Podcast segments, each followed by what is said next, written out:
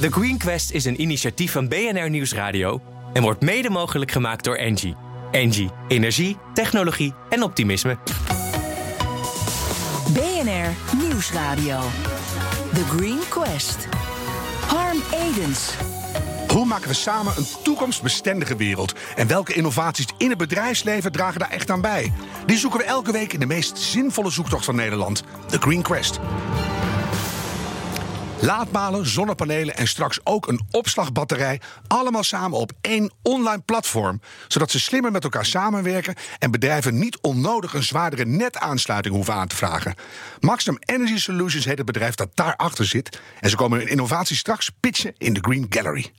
Maar we beginnen met het eerste jaaroverzicht dat je deze maand gaat horen. In 2020 daalde de wereldwijde uitstoot van CO2. Eindelijk. Maar de vraag is of die trend zich doorzet als de coronacrisis straks weer achter de rug is. Welke duurzame tendensen waren er in het afgelopen jaar? Wat ging er door de pandemie ineens beter en wat juist helemaal niet? Ik ga terugblikken op Duurzaam 2020 met Marjan Minnesma van Agenda. Marjan, waar heb jij het meest van genoten het afgelopen jaar? Um, ik heb het meest genoten van die ontzettende strakblauwe luchten zonder enige streep aan het begin van de lockdown. Dat uh, was wel heel bijzonder. Wat een poëtisch begin. Ik zat te denken, nou waren dat de lege snelwegen? Nou, ja, vond ik wel mooi. of uh, het feit dat er in Nederland nu 1 miljoen huizen met zonnepanelen op het dak zijn. Maar jij kiest toch voor die mooie blauwe luchten. Nou ja, dat, dat vond ik wel uniek. Ik denk dat dat niet snel weer gebeurt, helaas. Dus, uh, ja, ik, vond, ik denk dat heel veel mensen daarvan hebben genoten. Ja, ik, ik herinner Zo me. blauw. Ja, het was hartstikke blauw. Geen condensstrepen, niks. En uh, dat is ook een soort poëtische vooruitblik van hoe een wereld zou kunnen zijn als we het goed gaan doen, hè? Ja, nou ja, ik denk het enige wat heel moeilijk wordt is om duurzaam te vliegen voor 2030. Maar eigenlijk kun je bijna alle andere dingen wel doen voor 2030 als we dat echt zouden willen. Ja, en nou als heb ik- klimaat heb ik- ook eens als een crisis gingen zien. Heb ik toch stiekem goed nieuws voor je? Dat er ergens in de krochten van Nederland gaan ze nu werken aan toch elektrisch vliegen op middellange afstand. Spannend, hè? Ja, nee, je kunt best wel naar Berlijn vliegen. Dat, dat, Nee, maar nog eh, iets verder met, zelfs. met 20 man. Naar Australië? Nou, Nou, dat nog net niet. niet. Niet Maar- binnen 10 jaar. maar halverwege komen we wel aan het. Ik wil met jou hebben over de CO2-uitstoot van dit jaar. Die daalde met 7% in het licht van de coronacrisis en de lockdown. Dus vind jij dat dan veel of juist eigenlijk nog teleurstellend weinig? Nou ja, het is neem ik aan 7% ten opzichte van vorig jaar. En vorig jaar zaten we op een hele hoge uitstoot met de hele wereld. Mhm. Dus we hebben een beetje minder uitgestoten, maar we hebben nog steeds heel veel uitgestoten. En dat komt er allemaal bij. Dus de concentratie van broeikasgassen is gewoon toegenomen. En in de concentratie van broeikasgassen zie je niet een, een dip of zo. Dus je, ja, het is leuk dat we iets minder hebben uitgestoten met z'n allen. Ja. Maar we moeten heel veel minder. En dan moeten we ook nog proberen of we zoveel mogelijk nog weer uit de lucht kunnen halen. Ja, die capture dingen moeten we ook echt vaart gaan, eh, gaan geven. Nou, eh, zou je kunnen denken, er komt nu een, een- We zitten eigenlijk alweer in een nieuwe shutdown, hè, weer vier weken. Ehm, zou dat eh, misschien toch op een manier, wat jou betreft, een ommekeer kunnen worden? Dat mensen gaan nadenken en denken van, nou, eh, dingen moeten anders. Wat denk jij? Nou, ik denk dat iedereen inmiddels al heeft geconstateerd dat ehm, we wel hebben geleerd te zoomen, teamen en al dat soort dingen. Dus ik denk dat we in de toekomst wel voor kleine vergaderingen en zo en, en dingen tussendoor iets sneller zullen zeggen laten we maar zoomen. Dus dat we dan ook iets minder hoeven te reizen naar elkaar toe en dat soort zaken. Maar ik denk tegelijkertijd dat heel veel mensen na afloop hebben van yes en nu kunnen we weer. En dat we dan een soort uitbundigheid krijgen die, eh, nou ja, weer, dat op veel vlakken weer teruggaan eh, naar het oude normaal, vrees ik. Ja, en ik vrees misschien zelfs ook nog wel erger dan dat we de 2019 nog weer voorbij streven. Omdat we, nou, we hebben toch best wel lang opgesloten gezeten. Nu hebben we het weer verdiend, als we pech hebben. Ja, dat denk ik ook. En dat we dan iedereen op vakantie wil en het liefst een vliegtuig pakt, et cetera. Dus ik- ben daar niet zo heel optimistisch over. Ik denk dat we het gewoon moeten hebben van eh, stug doorgaan en iedereen die zonnepanelen op het dak leggen en eh, op andere manieren gaan reizen, minder vlees eten, et cetera. Dat we dat toch gewoon stug door moeten trekken. Ja, en- dat en- ook en- de en- en. industrie grote stappen moet gaan zetten nu. Nou hebben we natuurlijk eh, vijf, eh, eh, vijf jaar klimaatakkoord van Parijs. In de klimaatdoelen staat 25% minder uitstoot in 2020 ten opzichte van 1990. Daar gaan we ondanks corona niet halen. En het is radio, dus de luisteraars zien het niet. Maar er rolt nu een dikke traan over mijn wang. ja, die 25% minder dit jaar, die komt voort uit ons vonnis. En dat hebben we al gewonnen in 2015. Dus Ja. al voor de Parijse afspraken hadden ze dat al moeten doen. En ze hebben gewoon net zo lang gewacht tot ze eh, in december 2019 van de Hoge Raad ook te horen kregen dat ze dat echt moesten doen. Dus ze zijn veel te laat begonnen. En ze hebben wel een beetje mazzel met corona, want ze hadden het anders absoluut nooit gehaald. En nu komen ze in ieder geval in de buurt. Ja. Uh, maar dat moeten ze volgend jaar ook. Dus het kan, ja, je, ze kunnen zich rijk rekenen door te denken van nou, we hoeven lekker weinig te doen vanwege corona. Maar dan moet je het volgend jaar alsnog doen. Ja, en dan hebben ze natuurlijk de excuses van. 25% eh, moet gehaald. Ja, dan hebben ze excuses van. Ja, we, we hadden een pandemie aan onze hand. Dus eh, we waren even met andere dingen bezig. Ehm, dit najaar riep je, eh, jullie echt tegen het kabinet. Er moeten extra maatregelen komen. Eh, Heb jij het gevoel dat die er begin 2021 gaan komen ook? Hebben we weer verkiezingen? Het is altijd wat. Ja, nou, ze zijn nu wel bezig met nog wat extra, uh, een extra pakket aan activiteiten. En ze hebben ook gevraagd of wij nog extra dingen weten. Dus we denken ook mee daarover. Mm -hmm. Ze proberen nog een kolencentrale te laten sluiten. En de overgebleven centrales voor wat betreft het kolengehalte naar ergens tussen de 25 en de 35 procent. En uh, ik heb vooral benadrukt dat energiebesparing gewoon heel belangrijk is. Bedrijven die moeten eigenlijk alle energiebesparingsmaatregelen nemen die ze binnen vijf jaar kunnen terugverdienen. En dat wordt totaal niet gehandhaafd. Nee. Als ze dat nou zouden gaan handhaven, dan houden die bedrijven ook geld over. Want op het moment dat je die investeringen doet, geef je even geld uit. Maar daarna heb je voor de rest van de tijd echt veel lagere energielasten.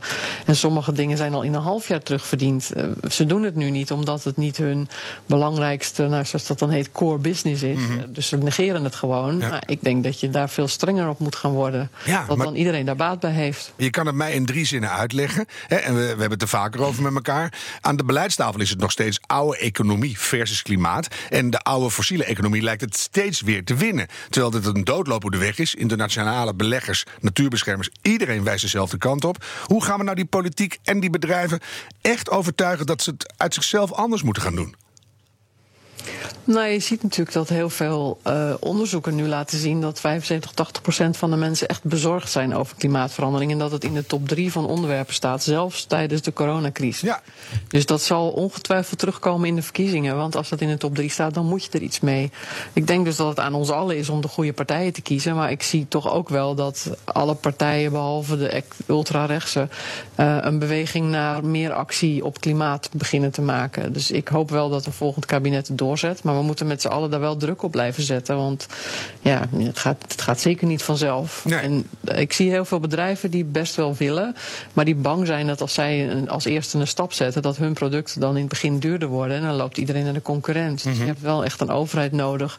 die dan op de een of andere manier zorgt dat de onduurzamere producten duurder worden. en de duurzame producten goedkoper. Dus En- en hoe doen we dat dan? belasting, dat kan op allerlei. Ja, met belastingen, maar je kan niet elk jaar de staat aanklagen. Dus op een gegeven moment zal er ook een soort zelfreinigend effect moeten gaan optreden. Dat zowel politiek als bedrijfsleven en ook hopelijk daarna de consument denkt: we moeten dat samen doen. Dus wat, wat, zou jouw advies zijn richting toekomstige nieuwe eh, regering? Dus wa- waar moeten we op stemmen om dat mandaat echt af te geven?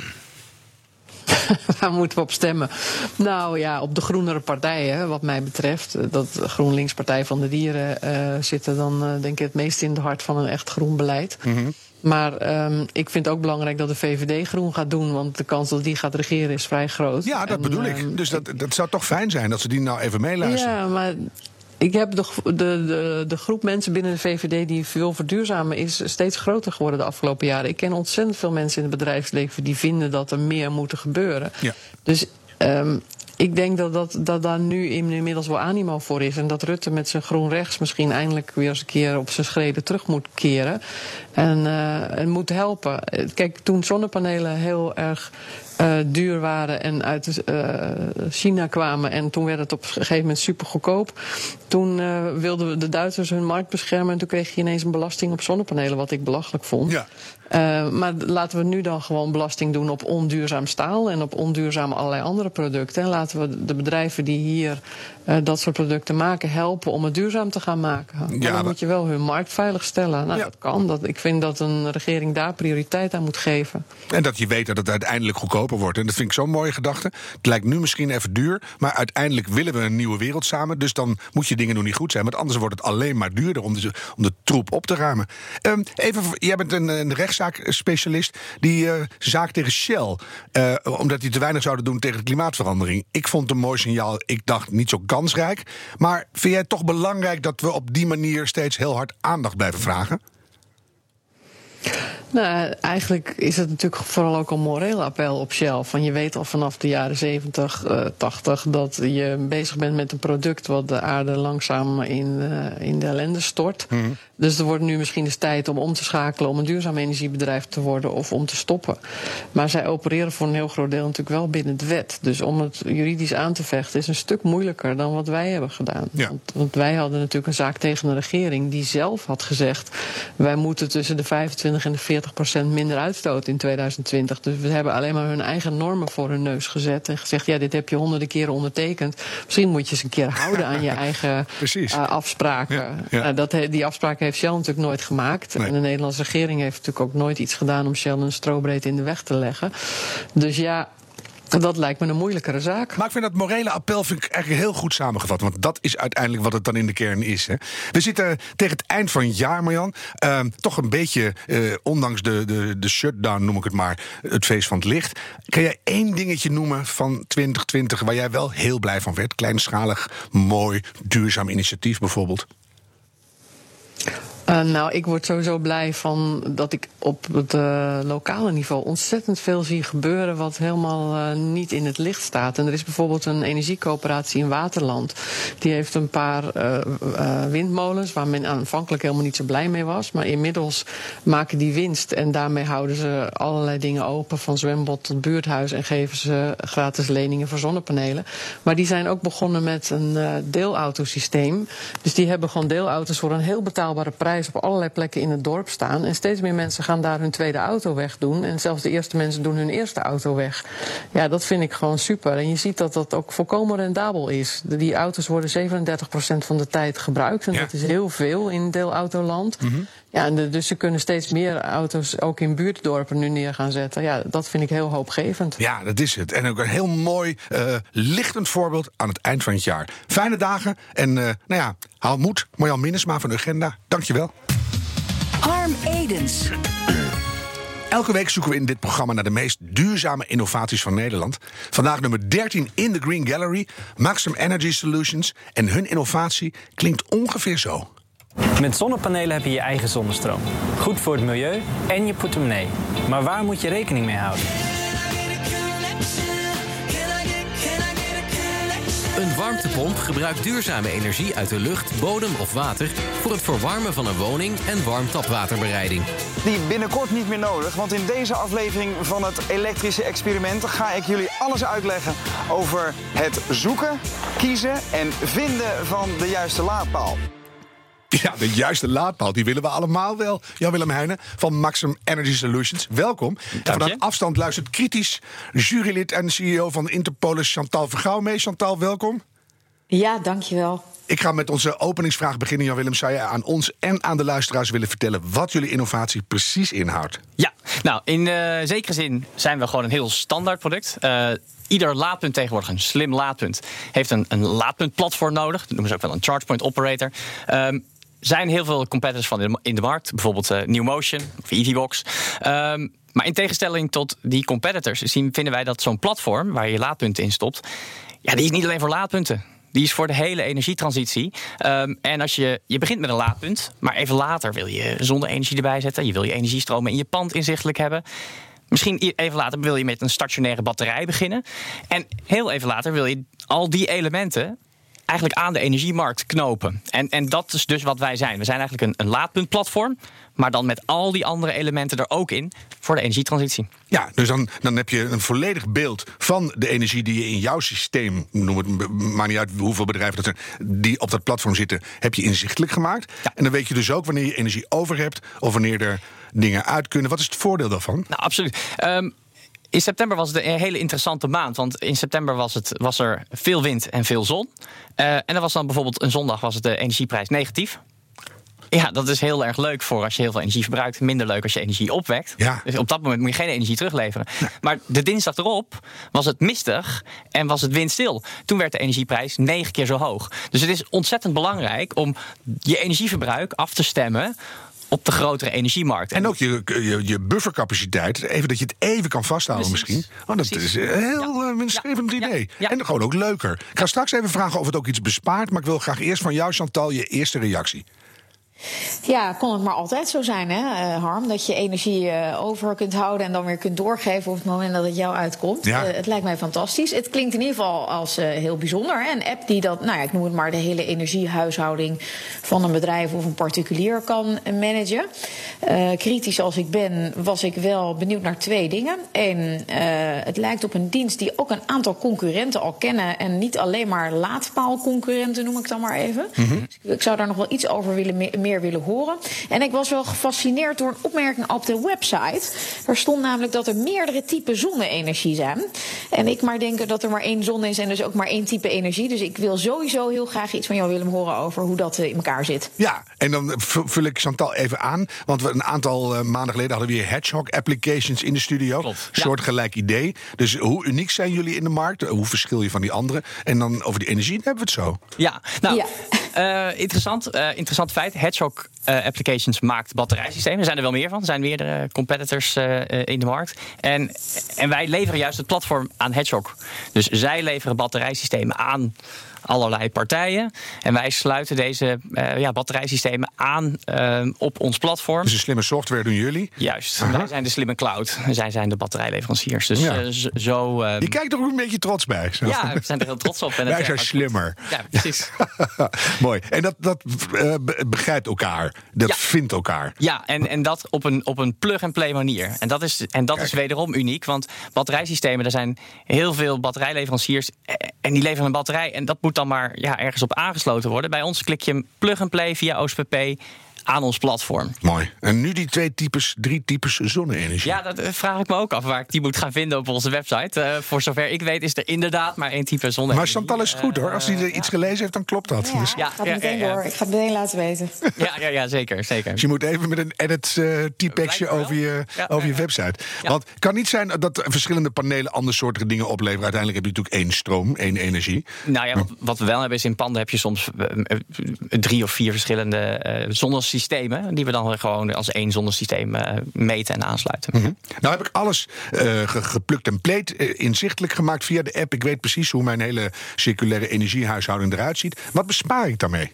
Nou, we hebben voor een klant, overigens, dat was samen met Hedgehog, hebben we een, een, een prangend netbeheerdersprobleem opgelost. Iedereen wil in de energietransitie een grotere netaansluiting. Ja. Want ja, we gaan. Waar je ook zit, in Noord-Groningen, we doen een zonnepark. Maar dan komt er een heel klein lullig Precies. draadje naartoe. Precies. En iedereen wil laadpunten, zonne-energie, grotere netaansluiting. Nou, vanaf 2023, 2024 z- zullen de netbeheerders het zo druk gaan krijgen dat niemand die grotere netaansluiting meer krijgt. Nou, wat wij dan doen is eh, samen met een batterijleverancier eh, gaan we naar zo'n klant. Je zet een batterijsysteem er neer en je managt de, de, de verbruikzijde, dus de laadpunten en, eh, en, en, en het, je kijkt naar het kantoorverbruik en je zorgt dat dat in balans is. Je zorgt dat dat op die kleine netaansluiting kan.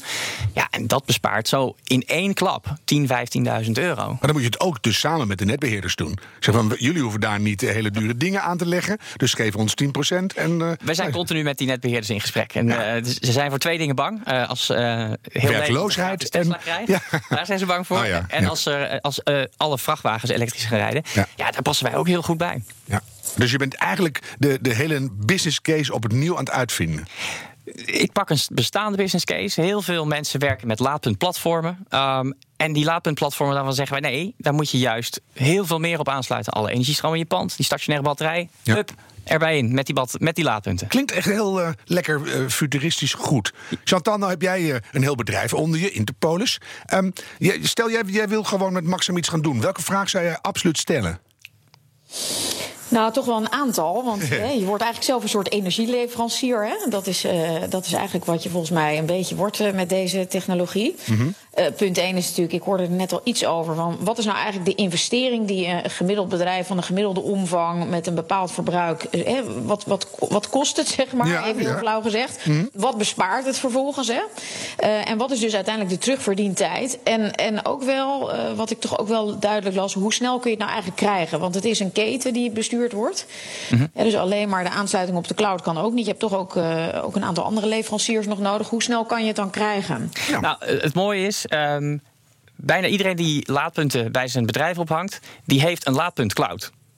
Of die laadpuntcloud nou van, uh, van, van X, van Y, van Z is, dat maakt niet zo uit. Laadpuntcloud is, is noodzakelijk. Wij zijn zo'n laadpuntcloud, maar wij bieden de doorkijk naar meer. Naar die stationaire batterij, naar al die energiestromen en naar de aansluiting op de energiemarkt. En dan zegt Chantal, nou stel ik wil dat, hoe snel kan dat, Morgen. wat kost dat en wanneer heb ik het terugverdiend? Morgen, uh, 5 euro per laadpunt per maand. Uh, ja, wat, uh, en wat kost het? Dat heeft vooral te maken met de individuele case en hoe groot jouw netaansluiting is. Ik doe niet alleen maar laadpalen, ik doe mijn energiehuishouding in het bedrijf. In het geval van Chantal een tamelijk groot bedrijf. Ja. Uh, allerlei andere energiestromen, dus ja. uh, doe, doe eens een schatting. Nou, het, het zit hem vooral in die extra, zeg maar, zodra je uh, meer laadpunten gaat nemen of meer zonne-energie. Dan moet je die stap nemen, dan moet je die netaansluiting vergroten. Ja, dan komen wij binnen en dan besparen wij letterlijk een, van een 3 keer 80 ampère netaansluiting naar 3 keer 120. Dat kost je gewoon 10, 15.000 euro. Dat kunnen wij met een stationaire batterij samen met een batterijleverancier in één keer overslaan. En dat doen we in ons platform, waar die laadpunten van die partij ook al in zitten. Dus als je echt ketert op de toekomst als middelgroot en groot bedrijf,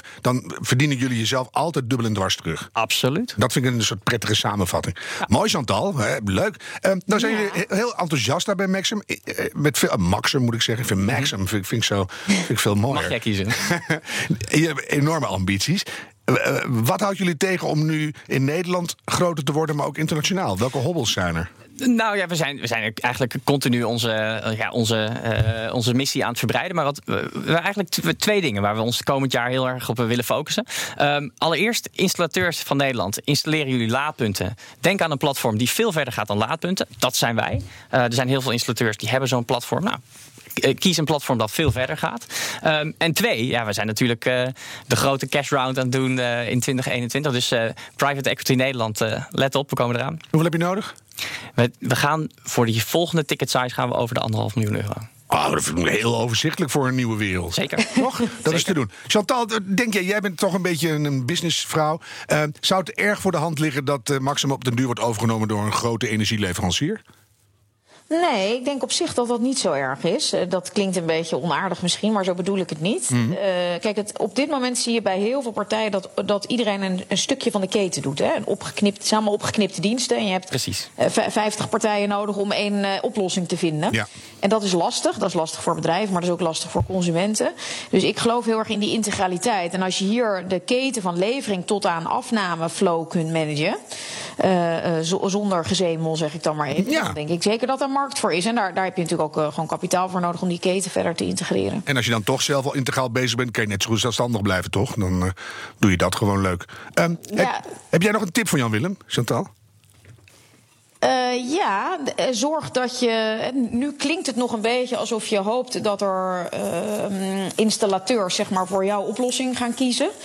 Uh, de vraag is: wat moet jij nu nog doen om te zorgen dat al die mensen niets anders meer willen dan zich bij jou aansluiten? Hè? Dus dat die uniek, uniciteit die je heel mooi uitdraagt op dit moment, dat dat ook bij je toeleveranciers, zeg ik dan maar even, en de, en de ketenpartijen heel helder wordt. Zodat je, nou, dat de mensen bij jou in de rij staan om het weg te mogen zetten. Ja. Omdat omdat eigenlijk het een soort magnetische aantrekkingskracht heeft gekregen op allerlei bedrijven. Dat, uh, dat is de, volgens mij de bedoeling. Ik vind het een supergoeie tip, Chantal. Ja. Jan Willem zit even met zijn ogen te knipperen en denkt van hoe ga ik dit oplossen? Maar dat is jouw opdracht voor het eind van het jaar, Jan Willem. Zeker weten. Uh, enorm bedankt voor het komen hier naar de studio. Jan Willem Heijnen van Maxim Energy Solutions en ook Chantal Vergaal van Interpolis. Veel dank. Heeft jouw bedrijf nou een minstens net zo belangrijke innovatie? Meld u vandaag nog aan voor onze competitie op de greenquest.nl. En deze aflevering terugluisteren kan via de BNR-app, bnr.nl of je favoriete podcastkanaal. En bedenk minstens één keer per week: die volhoudbare wereld, die maken wij samen. The Green Quest is een initiatief van BNR Nieuwsradio en wordt mede mogelijk gemaakt door Engie. Engie, energie, technologie en optimisme.